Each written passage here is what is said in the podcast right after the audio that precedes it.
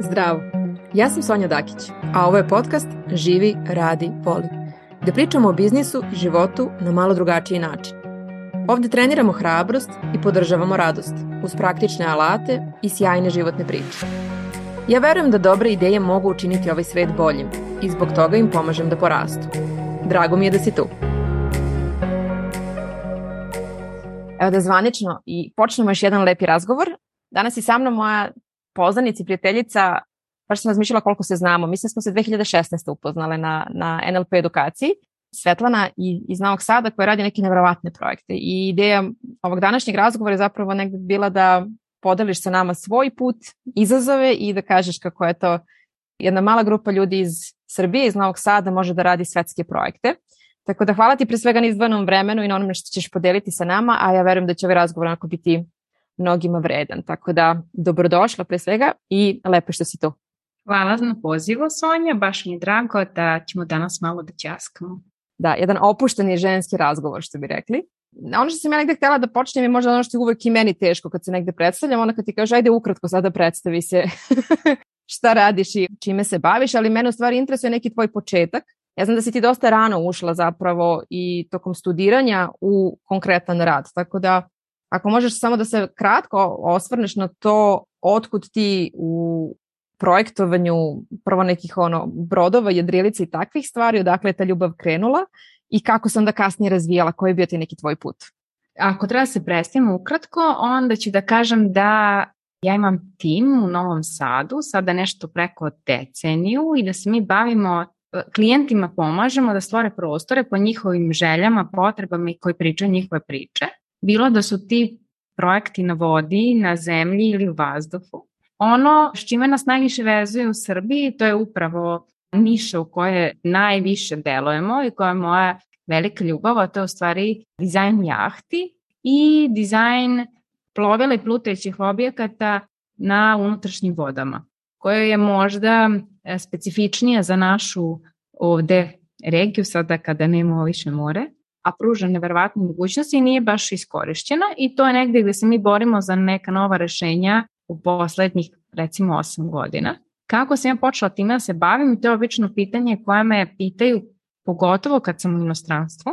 Ja sam 97. počela da jedrim, provela preko deceniju u jedrigačarskoj reprezentaciji država u kojima smo to vreme živeli i onda sam odlučila da na faksu spojim arhitekturu, crtanje i projektovanje i upravo ljubav prema jedrenju, u stvari prema tom načinu života kada si u prirodi i gde si spojen sa prirodom i gde imaš puno, možda nemaš puno vremena količinski, ali uživaš u tom vremenu i doživljivaš ga mnogo jače, znači svestan si trenutka i na taj način po meni je to neki pravi način života i to su dve stvari onda koje, koje su se dalje razvijali da napravimo neke projekte koji su nas uveli u taj svet dizajna jahti, eto tako da kažem. I ja znam da si se dosta i usavršavala na tom polju, da je to sigurno negde i bio izazov. Ovaj, sad što kažeš, prvo mi nemamo more, drugo nemaš neku jasnu podršku i negde si, čini mi se, bila jedina koja se usmerila na to. Kako su bi izgledale te neke prve godine razvoja? Šta su bili neki tvoji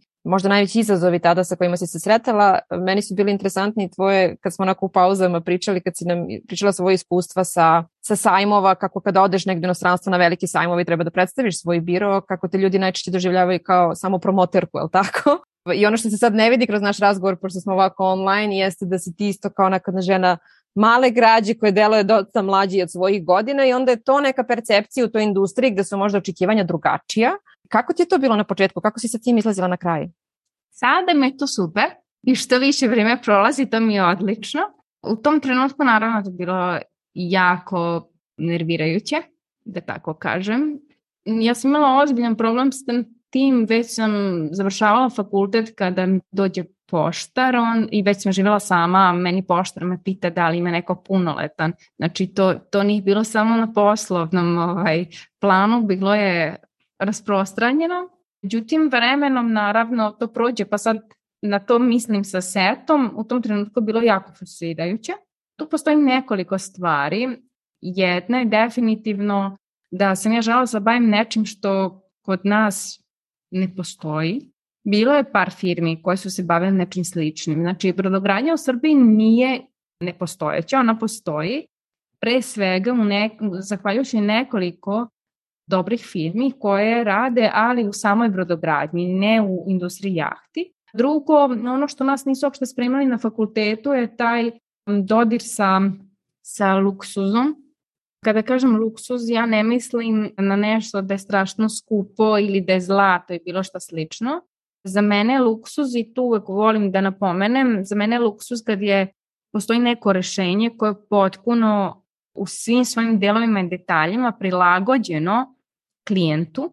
Znači, kada mi ne uzimamo neka polugotova rešenja i brzinski ih štancujemo, već stvarno istražujemo i to ono što, što mene stvarno vozi na ovom poslu, da tako kažem, a to je da, da mi svaki put imamo izazov da na potpuno drugačiji način metodologija je ista, ali na potpuno drugačiji način pristupimo projektu, pre svega zato što je klijent drugačiji i, i uslovi su i prostor je drugačiji i ne možete da se opustite, nego svaki put morate potpuno da budete fokusirani na sve delove i iz toga izvučete neku celinu.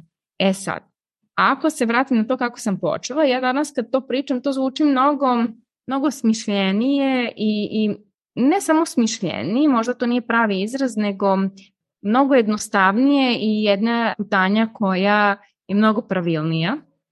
Mi smo na petoj godini fakulteta, to ono kad se master je postao deo, još se nije potpuno odvojio na, od bachelora i mi smo dobijali master, nešto malo se izmenjalo, u stvari na petoj godini smo imali projekat koji smo radili i to je pro, jedini proaktivni predmet koji smo imali gde smo trebali da izazo, izaberemo temu i na tu temu uradimo istraživanje.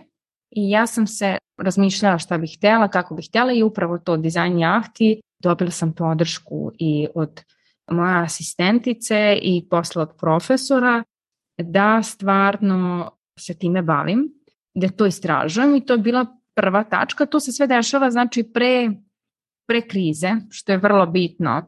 To se sve dešava, ja mislim, 2005.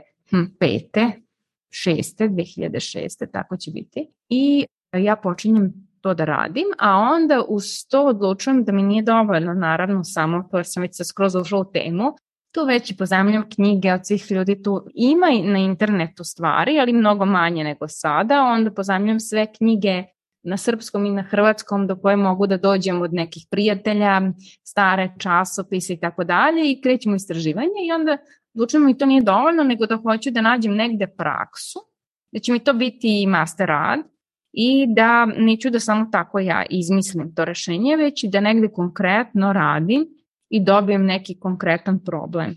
I dobila sam praksu, zahvaljujući nekim prijateljima sa Jedrnje koji su me preporučili studiju u Herceg Novom, tamo počinjem da radim, oni mene već posle tri meseca primaju za stalno i ja paralelno sa tim završavam fakultet. U stvari ja tamo radim kao dizajner interijera za jahte i tako je počelo moje, recimo, tu sam ja dobila šansu da se stvarno time bavim. Ono što je bitno da napomenem je, ja sam neko koji jako veruje u obrazovanje. Ok, super imati iskustvo, ali treba uvek iskoristiti maksimalno resurse sa kojima raspolažemo, a jedan od resursa je zašto ne bi naučili šta drugi već znaju. I to je bio prvi korak, u stvari kada se na nešto usmerite, kao što sam se ja usmerila na tom trenutku, i počnete da primećujete gomilu šansi u vašem okruženju koji su vezani za tu vašu stvar. U mom slučaju postoje kurs u Geteburgu kod najvećeg živog teoretičara za dizajn jahti, koja naravno u tom trenutku nisam znala, ali preko jedne studentske organizacije gde sem puta koje sam trebala pokrenim, tamo mi sve bilo plaćeno. Naravno, pisao se neki esej zašto baš vas da izaberu i tako dalje.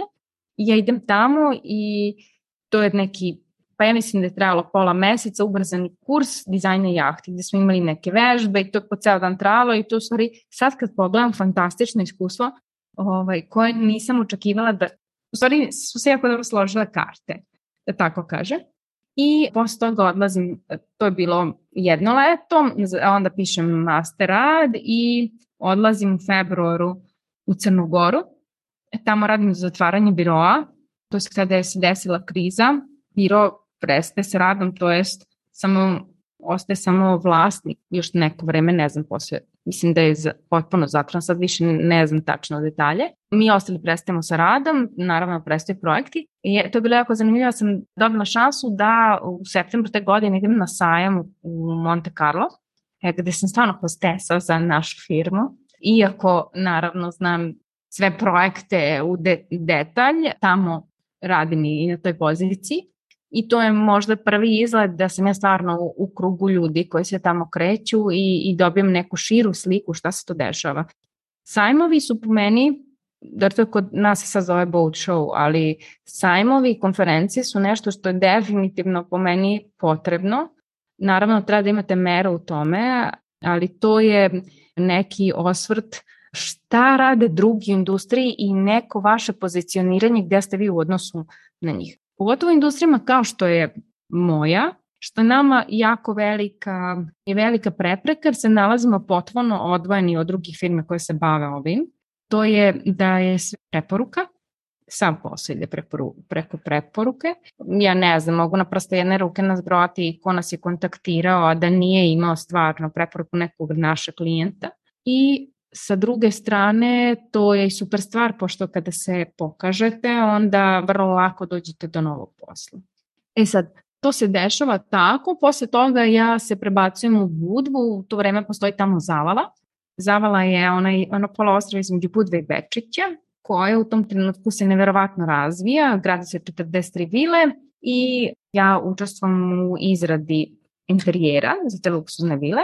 43 vile svaki ima 8 stanova, neke neverovatne cifre kvadratnog metra toga, gde se koristi najloksuznija italijanska keramika, sanitarije, sve je najbolje u tom trenutku što postoji u svetu i gde je fantastično u stvari što se svo vreme rade i ta gradilišta i mi smo praktično na gradilištu postoji biro i ono što jedne nedelje nacrtamo sledeće nedelje proverimo na terenu.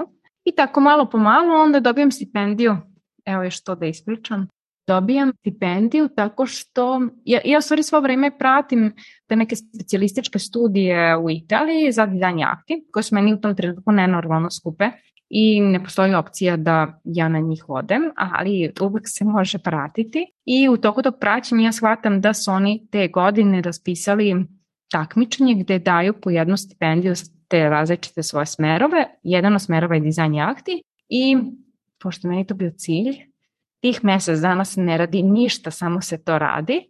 Posle mesec dana, kad sam pre, možda nije tačno mesec dana, možda je malo manje ili malo više, ali ta ideja se neko vreme razvijala već. Tako da, u suštini to opet, kada ste ne, nešto skoncentrisani da želite i pratite mogućnosti, kada se ne otvore neka vrata, vi ste spremni. I ja sam dobila stipendiju, otišla u Italiju, tamo završila dizajnerske specijalističke studije za dizajn jahti i konstrukcije. I, i sad moram samo da, sad, da, samo te pitam, kako danas, to, to pričamo o nečemu što je bilo pred više od deset godina, ali tako, otprilike, ako ja pratim, kako danas posmatraš te, ili kako si ih možda tada gledala, da li si to percipirala kao ono imala sam sreće ili ne, ja sam zaista ovo radila, zaslužila i jer mi često imam, imam utisak da to kao budemo fazonu, eto namestilo se tako pa kao izabrali su me. Znači koliko si u tom momentu mogla da budeš svesna da si zaista svojim angažmanom, svim što si do tada negde i to što si odvojila mesec dana da se samo isključivo baviš time, zapravo zaslužila da budeš jedina koja je dobila tu stipendiju? Mm, ja sam išla srednju školu u Novom Sadu, koja bila jako stroga. I uvek svake godine u to vreme u Jovinoj gimnaziji ostalo mesta, zato što su stro, profesori bili strogi i koliko god da ste spremali, vi niste mogli da proći. Mislim, bilo je fantastičnih primjera koji su prošli skroz odlične sve godine, ali njih je bilo strašno malo. Ali i mene ta škola naučila jedno neverovatno pravilo. To je u stvari dva, da nije baš uvek sve pravedno, a druga mnogo važnija stvar je da ono što je bitno da daš svoj maksimum u svakom trenutku. I od tog trenutka u svim mojim daljim bilo kakvim angažovanjima bilo gde, moj osnovni, moja osnovna vodilja je da dam maksimum ja i moj tim koji možemo. Znači, to je uvek sve. I iz tog razloga, kada je bilo to takmičenje, znači ja sam u tom trenutku imala spor, ozbiljnu sportsku provredu, baš, baš ozbiljnu. Bila sam u, u Novom Sadu čak pre toga dosta dug period na oporavku i otišla sam, vratila sam se dole, ja nisam mogla, ja nisam mogla ni da sedim, nisam mogla mnogo toga, ali kad nešto želite, onda možete da radite iz ležećeg položaja. Po ceo dan, svaki dan, non stop. I ja sam smatrala sam zaslužila to. Nisam očekivala da ću dobiti, ali u trenutku kada sam dobila, ja sam očekivala da ću to dobiti. Ono što je meni recimo bio izazov i već se tu pojavio da nas je bilo osam na godini iz cijelog sveta. Ja sam jedina dobila stipendiju i moj način života i života ostalih koji su došli tamo iz vrlo poznatih svetskih porodic je bio potpuno drugačiji. Ono što meni bilo super, jer sam ja pre toga radila, tako da nisam išla tamo da se provodim, jer život u Venecije je nešto što možete da se provodite, ne morate ništa ni da učite cijela godina, već samo po sebi neverovatno iskustvo i mislim da je tu bilo više problema. Moj je bio problem, oni su svi imali papire, ja nisam mogla da sredim papire. Do, počela sam da dobijam ponude za posao već posle par meseci, preporuke profesora i ostalog, ja nisam mogla da se zaposlim. Meni čak i kad se završila te studije, dve firme su pokušavala da me zaposle, nije bilo šanse. Mogla sam da čekam sledeću godinu, eventualno kad nisu popunjena mesta, tako dalje. Tako da možda, pošto mi je fokus bio na to koje ja druge probleme imam, nisam toliko imala problem sa tim da ubedim sebe da sam ja tamo stvarno zaslužila. Dalje što se dešavalo od, od toga kako sam se osjećala, primer koji sam ja verovatno pričala i koji si ti zapamtila je moja prva nagrada u struci, da tako kažem, a to je, dobili smo nagradu Yacht and Aviation Awards, ja mislim 2014 godina, u stvari to je veliko svetsko takmičenje za dizajn jahti i aviona. I mi smo radili za klijenta projekat dizajn Boeinga 787, ovaj srednji ovde. Klijent je bio jako zadovoljan i on je želao da se mi takmičimo na tom. Mislim, ja sama ne, uopšte nisam bila na nivou da pomislim da, da neki naš projekat zaslužuje se nađe u tom takmičenju i to je možda taj moment gde u stvari koliko mi verujemo u svoj rad. I drugo, meni bilo u tom trenutku potpuno nerealno da, jedan primjer da je firma poslala dve godine, meni je bio stvarno veliki izdatak da ja organizujem put u London, izvadim vizu, budem tamo en dana, prisustvom tom takmičenju i tako dalje, to je dodali, ali klijent je insistirao i na kraju on sve to rešio i to je bio jedan veliki super događaj, ali jedan veliki stres pre svega za mene, Zato što ja u tom trenutku stižem iz Srbije, imam 20 i nešto godina i ulazim tamo u tu staklenu pa, dvoranu sred parka, gde to je vrlo svečan događaj, svi treba ekstremno svečano da se obuku i tako dalje. Ja ulazim tamo i u tom trenutku shvatam sledeće. Shvatam da su svi obučeni u crno ili bordo ili tamno zeleno da su svi, pre svega muškarci, u 45 plus godinama, da kažem 50 plus, u crnim frakovima i, i slično, i žena u nekim balskim haljinama, kažem tamnih boja. I ja sam jedino žensko koja nije pratnja i ja sam u belo-zlatnoj haljini. I mlađa sam od svih 20 godina i mnogo više sam sličnija konobarima koje nas služe nego što sam sličnija samim učesnicima tamo. To je onako vrlo stresna situacija gde, gde se u tom trenutku pitate šta uopšte tu radim. I stvarno više želite da odete sa tog događaja nego da budete tu. Ono što je super za taj događaj, naravno smo mi dobili nagradu, samo to koliko je meni podsvesno bilo da ćemo dobiti nagradu, to jest nije bilo, pokazuje moment gde oni proglašavaju našu kategoriju i sad pokazuju projekat, ja tapšem, pomislim kako taj projekat fantastičan, ju kako je dobar, dobar ovaj projekat. I ja i dan danas mogu da setim tačno kako je to išlo u moje glavi, ja tapšem, mislim kako je fantastičan projekat i onda počinjem da shvatam da je to moj, to je naš projekat. I shvatam da smo dobili, osvojili tu nagradu. I to je moment možda gde u suštini vidite da niste baš ni očekivali, svo vreme se ja spremam za to i ostalo, ali i kad se dešava, meni treba neko vreme da to percipiram.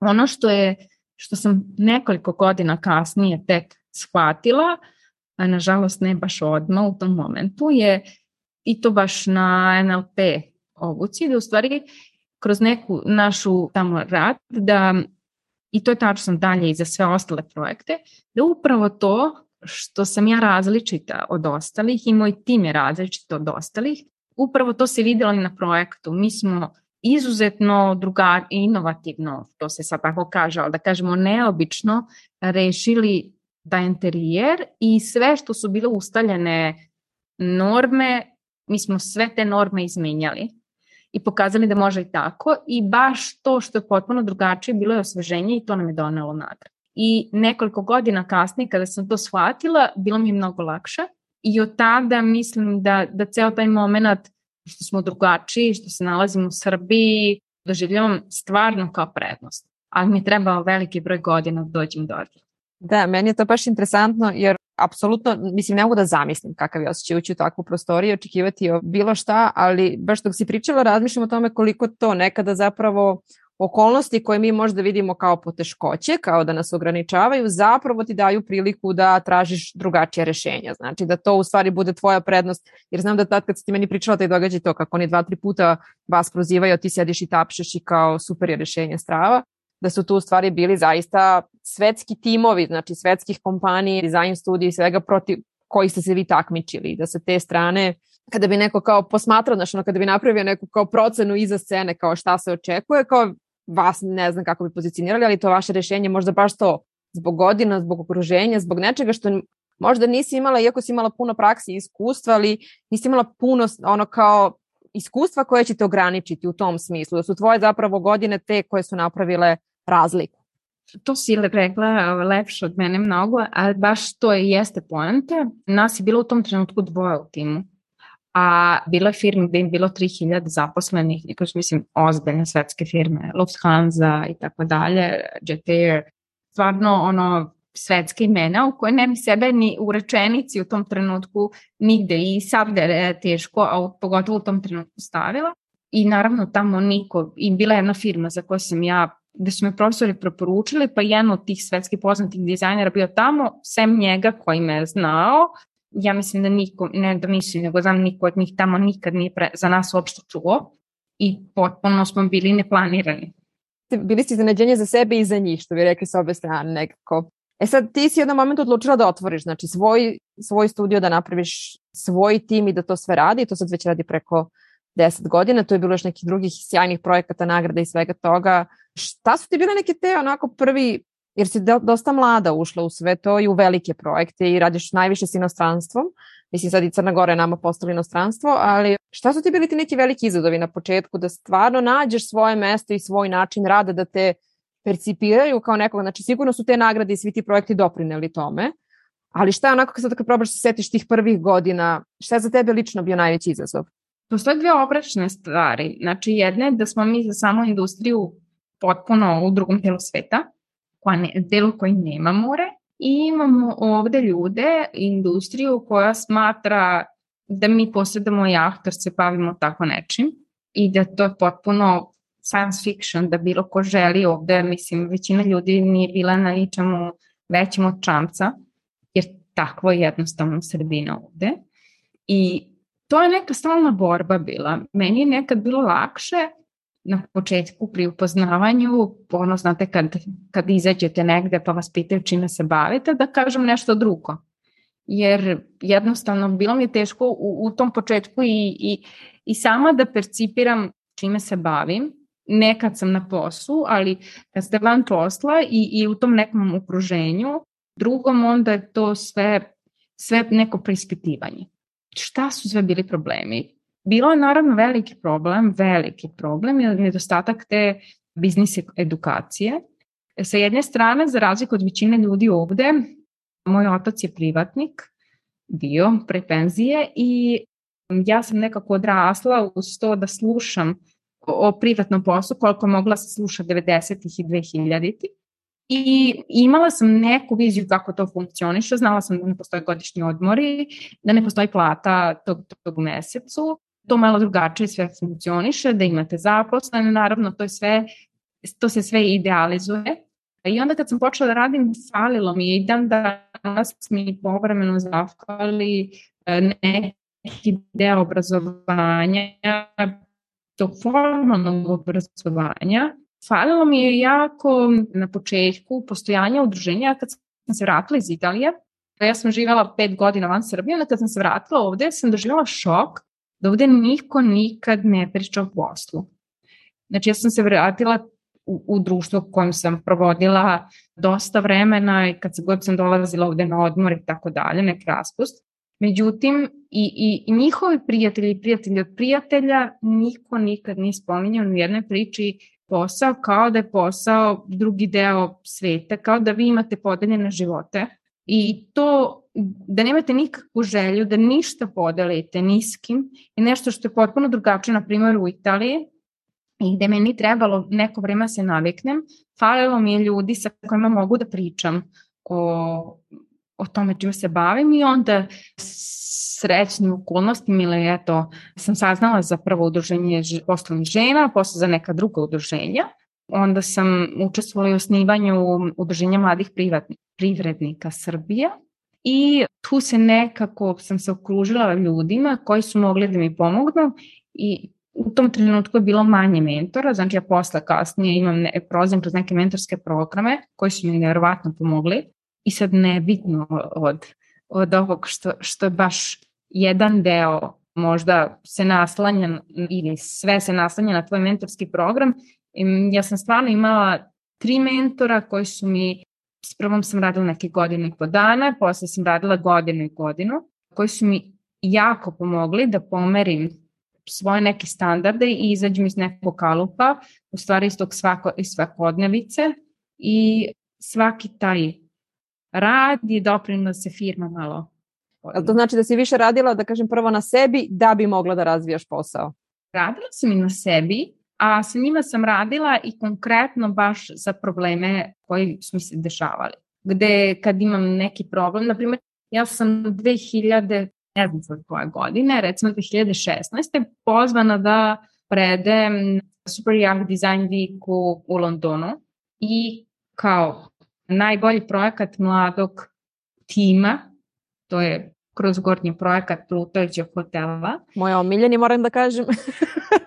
Zato što, mislim, ja samo moram da se nadovežem, ti si to negde podela na društvenim mrežama, ja sam gledala, mislim, na Facebooku, meni je to bilo nešto potpuno out of the box, znači kao ja ne, ok, to je nije industrija koju ja pratim, ali to kao rešenje da ti imaš hotel na vodi gde svaka soba, to je svaka jedinica za sebe, da može da se odvoji. Ja sam sebe bukvalno odmah videla u tome. Kao pravi introvert, ja sam bila fazonu, ovo je za mene. ne moram da se srećem s drugim ljudima. Mogu da, posebno što sam ja imam iskustvo kod moj tata imao splav na, u Beogradu na Savi. I to mi je bilo totalno, znači nešto što ipak kod nas postoji kao koncept, a da recimo u drugim gradovima koji su na rekama nije, nije tako, ni u Budimpešti, ne znam, ni ova ove sličnim gradovima, tako da mi to onako bilo nešto što jeste sad kao drugačije, ali ipak kao koncept je negde nama blisko, onako, tako da meni taj tvoj projekat baš bio i ja sam svima bukvalno o tome pričala, jer kao to mi je nešto drugačije što možeš da ponudiš i kao kapiram da je primenljivo na različite ovaj, to, da li reka, da li ovaj, jezero ili kako god, ali je totalno drugačiji koncept od onoga na što smo navikli da vidimo. Hvala.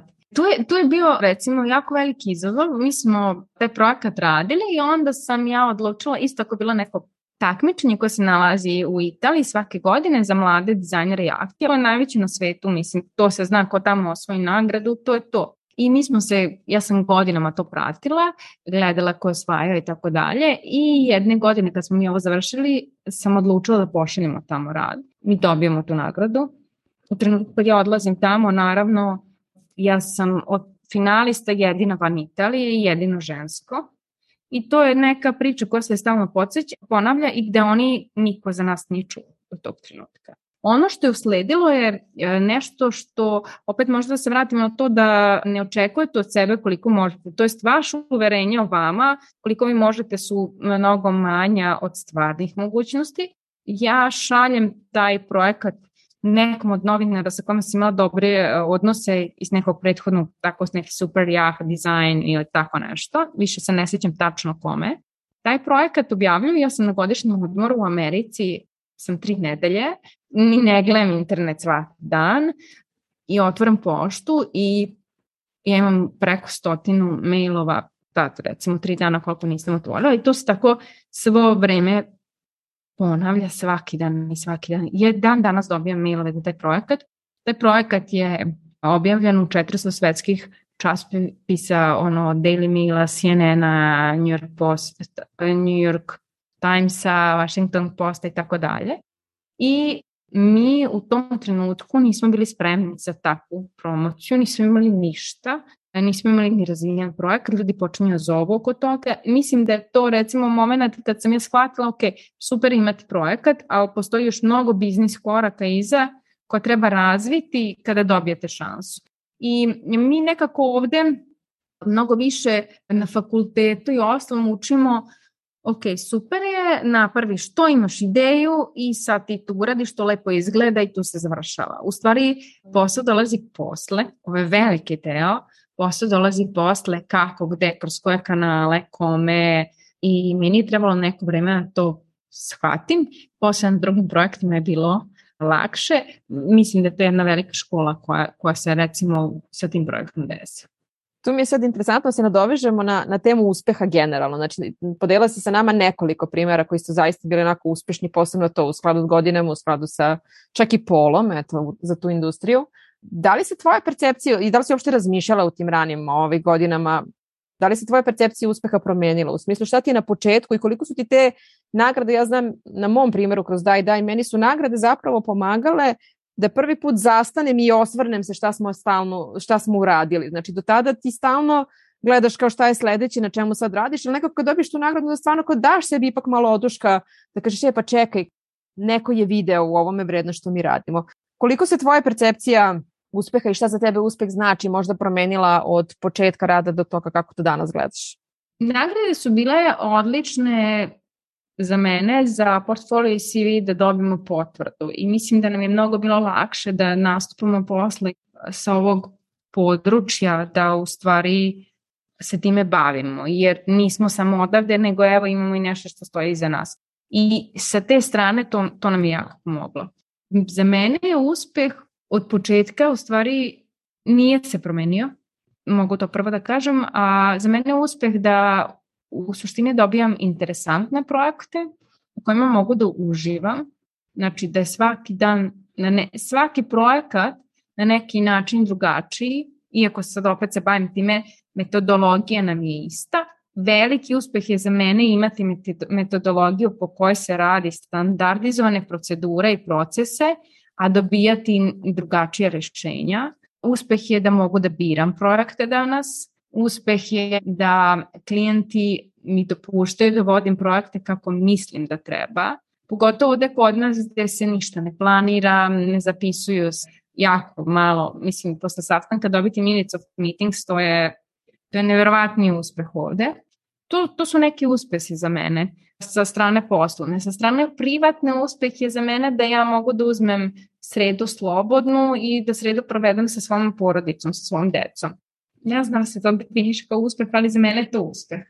Pa dobro, meni je cela ideja ovih razgovora da to upravo pričamo o tome kako kod nas definiše uspeh i, i super mi što, što si spomenula porodicu i to, jer me jedno od pitanja koje me interesovalo, uvek kad pričamo ono što kaže na, na temu uspeha na ženski način, jeste šta se desi kada, kada dođe do porodice? Znači šta se desi kada dođu dece i neki drugačiji poredak i raspoređivanje vremena? Kako se to odrazilo negde na tvoj posao i da li si možda pod uticajem toga promenila neke stvari? Pre nego što pređem na ovo pitanje, možda da malo konkretišem odgovor ili ukratko odgovorim za uspeh još. Za mene je uspeh što kad dođem na posao i ne mislim kad će se posao završiti, kad će kući.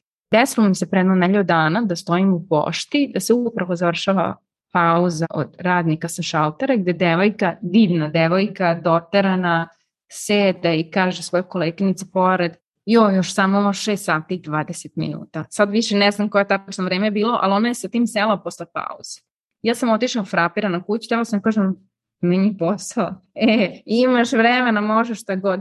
Meni se to ne dešava.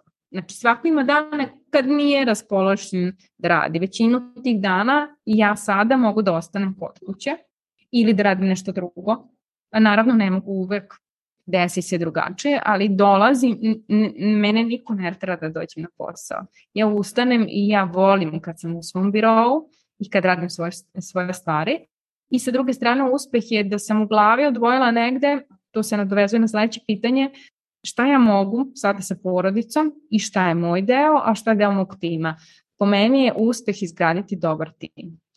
Jako je teško, imala sam različite različite momente, međutim, od kada sam shvatila da to nije stvar koju ja treba da radim, nego treba da imam pomoć nekog psihologa, nekog HR tima koji radi zajedno sa mnom i gde moj tim isto učestvuje u tom celom procesu, sam stvarno zadovoljna i mi za vreme korone smo radili šest mjeseci od kuće ja nikad nisam mogla, morala nikog da podsjetim šta treba da uradi i šta se dešava s ovim i zašto to nije gotovo. To jednostavno stvarno ne postoji u birovu. Što se tiče toga što se izmenjalo sa, kad sam dobila porodicu, ili kad sam osnala porodicu, možda je to bolji izraz, kod mene se promenilo jako puno stvari. Ja dolazim iz porodice sa troje dece i mislila sam da znam kako to imati nekog mlađeg i imam puno, ro, stvarno imam puno rodbine i kao kontaktu s bebama i tako dalje, međutim to je sve jedna priča dok ne dobijete svoju.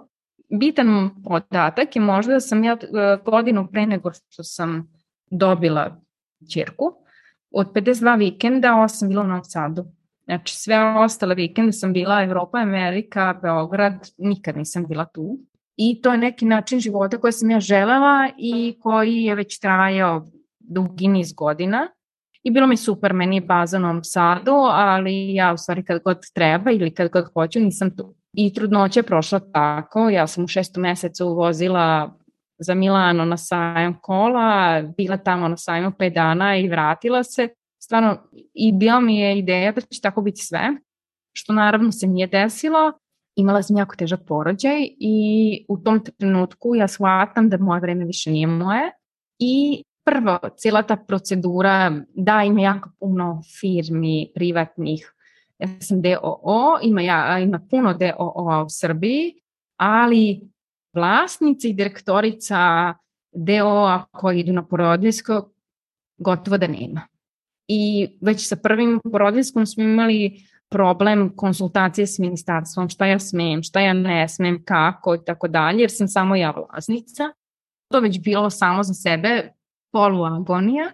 A onda kad odlazim na porodiljsko, sve one stvari što, pošto sam ja bila prisutna, guram po tepih, počinju da vide, a ja ne mogu, ne mogu da odem iz stana, ne da dođem u firmu i da, da ih rešavam. I, I tu je sledilo nekoliko vrlo teških meseci. Mi smo dobili super fenomenalne projekte po inostranstvu. U tom trenutku nam je najveći projekat bilo 1000 kvadratnih metara IT firme dizajn i izrada sve opreme u Srbiji i izvoz za švajcarce, za švajcarsku IT firmu a pritom nas ostane, ostaju dve u firmi gde sam ja na prodajskom. I jako bitan moment je podrška mog supruga u tom trenutku, koji zajedno sa mnom pravi nevjerovatne kombinacije da ja mogu da između 3 sata obroka bebe, to je dva i po, sva sreća nam sedi mali, da kažem palanka, pa mogu brzo stignem do kancelarije i ostalo da to uradim. Ali to, to je bilo Tako da, s jedne strane, meni je super kada uvek kažem, ako imate sad neku ideju i nemate porodicu, otvorite odmah firmu. Izdržavate samo sebe, možete da radite jedno i drugo. Ako imate mogućnost da ako ne imate u nekom trenutku profit, odete još i kod roditelja i kod dečka, kod bilo koga, mislim, troškovi su vam minimalni. Možete da istražujete, da radite drugačije projekte. Po meni je to trenutak super. A sa druge strane, ako ste već rodili decu, onda vam isto super trenutak i ste završili taj deo sa, sa malom decom i sad, mislim, nema šta da vas koče. Ja sam još u tom procesu jaslica i ostalog, ali ovaj, već, već vidim da mi je sad lakše, mnogo lakše. Tako da, verovatno zato što sam se navikla, promenila način na koji radim, podelila u glavi da ja ne radim sve najbolje nego da stvarno imam ljude u timu koji su izrazito sposobni da urade to i bolje od mene. Ima delova kojim se ja bavim, ima delova koji se ostale osobe bave i kad smo to podelili i uradili, to je bilo meni se vratio život. Da, da tako. Jel to, jel to znači negde da ti je majčinstvo, da ti je pomoglo da delegiraš bolje? Da. U stvari me postavilo na mesto šta je biznis. Uh mhm. -huh. Ja u Srbiji čujem jako puno različitih odgovora. Naravno, kogod je preduzetnik ili privatnik, sad kako god to zvali, njemu se u glavi non stop mota neka ideja. Ja i kod kuće čitam knjigu o brodovima ili o biznisu i tako dalje, slušam podcaste, mislim, razmišljam o tome šta mogu i dalje i kako, ali ja imam radno vreme.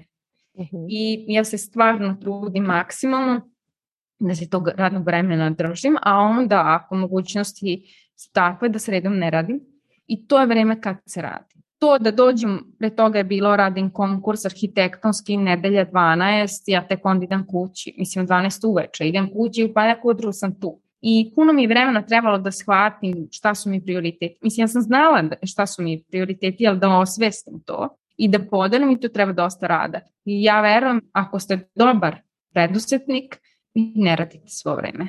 Uh mhm. -huh. I ne moraju svi ciljevi da budu sada ispošto izvršeni, ostvareni, to je bolja reč, ostvareni, nego imate nešto za sledeću godinu, za onu godinu tamo, ne može sve odmah. Da, ima sve svoj prostor i vreme. Kad se osvrneš sada, rekli si studio prostoji sada preko 10 godina, ili tako?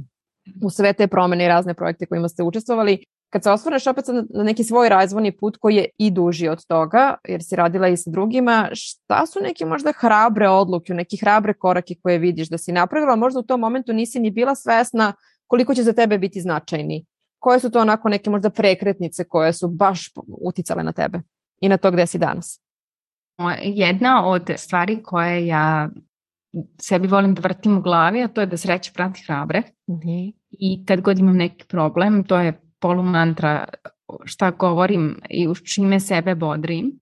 Postoji jako puno prekretnice. Mislim sam sad neke spomenula, puno trenutaka prispitivanja da li stvarno pogotovo kad je bila kriza, da li je to stvarno moment iz Srbije radi, baviti se dizajnom jahti, pogotovo što sam ja dobila stvarno dobre neke ponude za posao i, i ranije i toku posle kad sam otvorila firme i na Bliskom istoku i u Evropi, ali one se nisu slagali sa mojim ciljem i mojim vrednostima. I hrabrost je i reći ne takvim stvarima.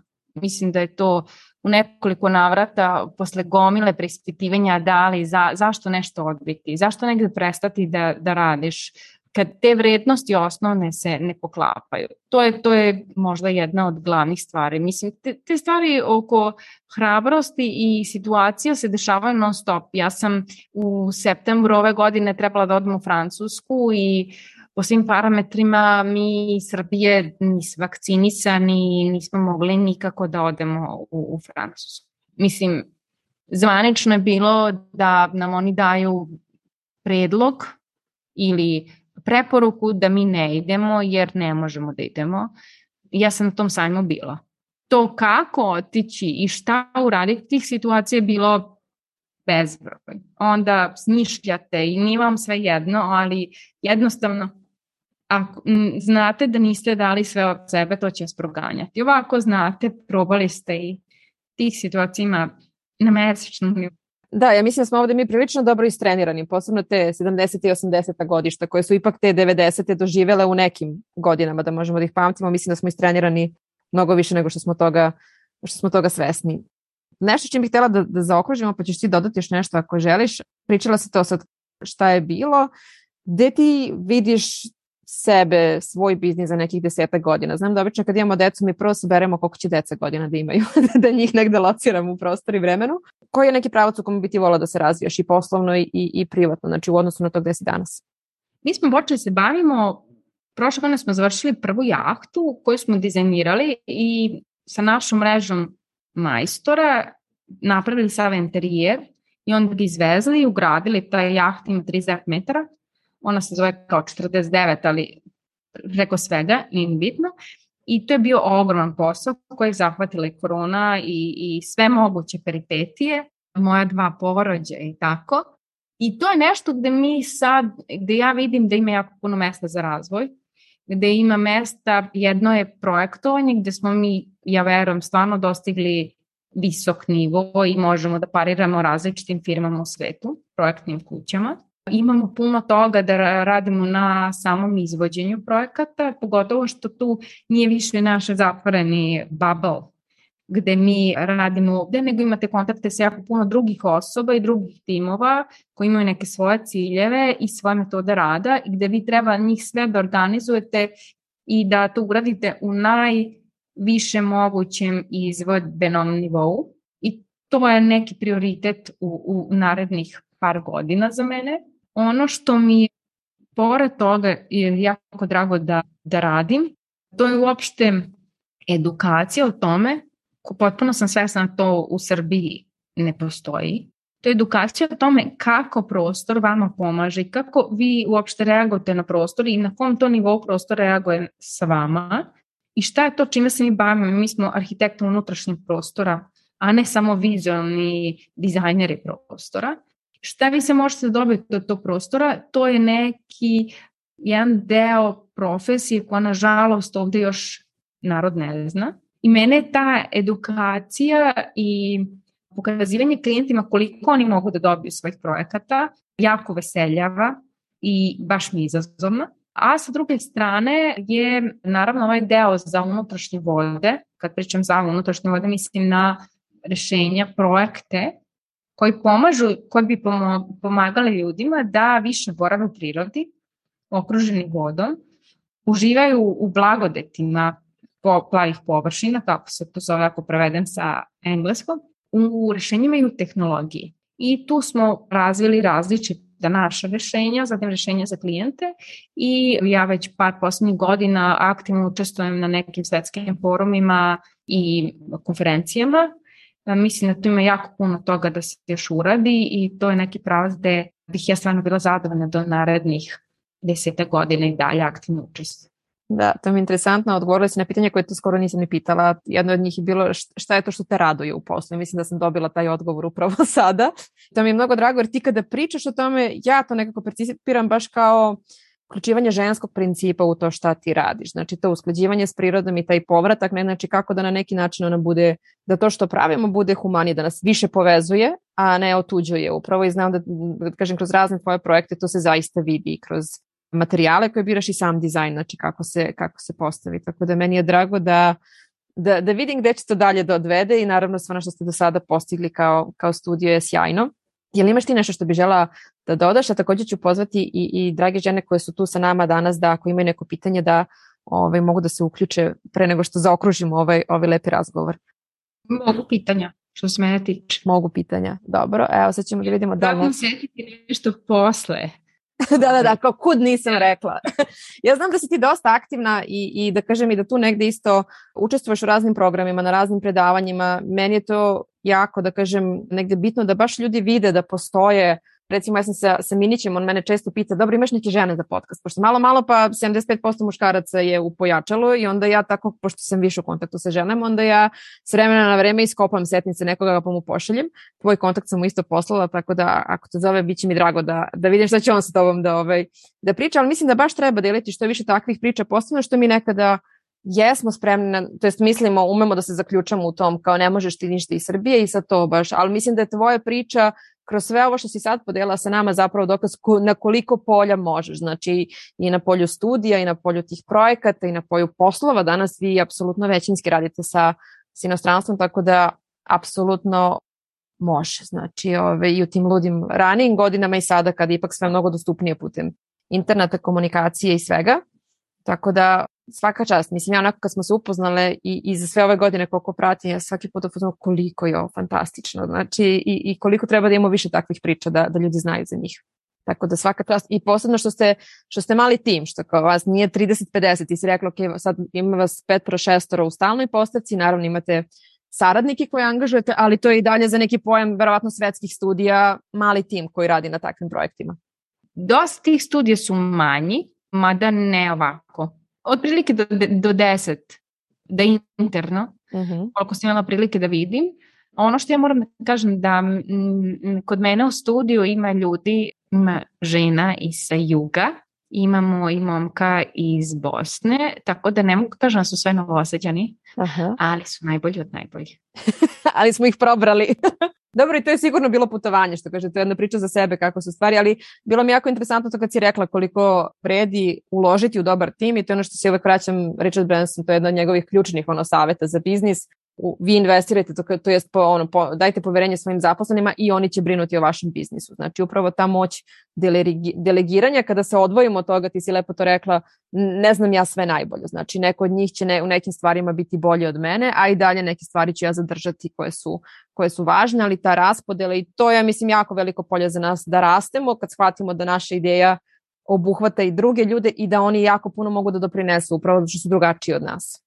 Tako da mislim da nam je to onako nekako i glavna poruka. Ništa, pošto vidim da su ovi moji tihi i da nema nikakve pitanja, možda smo pokrile sve što smo trebale. Hvala ti puno, Sjecu, za izdvojeno vreme. Ja se radujem da se vidimo i uživo u, u Novom Sadu kada dođem i Radujem se da vidim sve lepe projekte koje ćeš ovaj, približiti nam svet kroz njih i, i da ovaj plutajući hotel zaista negde zaživi, da možemo da ga, da ga doživimo, što kaže u realnom svetu, da uživamo. Mislim, to je moj najveći favorit, tako da ovi avioni kao ok, ali to je moj favorit. Tako da hvala ti na vremenu, svemu što si podelila sa nama i samo tako nastavite. Eto, pozdrav celoj ekipi i srećno sa svim budućim projektima. Hvala puno, hvala puno tebi za ovako lep razgovor i hvala svima što su izdržali sat vremena naše konversacije. Nadam se da su našli nešto sa sebe. Uvek se nađe nešto korisno, tako da ove, ove će biti i razgovor koji ćemo podeliti na, na mom YouTube-u, tako da će ja uvek pozivam ljude dole da, da podeli, ja ću podeliti tvoje neke kontakte i naravno neke projekte koji su meni interesantni, tako da se javi ljudi i da slobodno komentarišu i daju onako dalju podršku. Tako da hvala svima koji su sada tu i koji će nas gledati kasnije. Vidimo se u nekom sledećem razgovoru. Hvala ti na slušanju. Ako znaš nekoga kome bi ova epizoda dobro došla, prosledi link slobodno. Neka to bude tvoje dobro delo za danas. Ako želiš više da znaš o tome šta ja radim i kako možemo raditi zajedno, posjeti moj sajt na adresi www.sonjadakić.com. Na mom Instagram i YouTube kanalu možeš pronaći puno besplatnog sadržaja, a ako imaš neko pitanje koje želiš da prođem u narednoj epizodi ili imaš tu ideju koja ti ne da mira, piši mi. Do sledećeg slušanja želim ti više hrabrosti i radosti u svakom danu.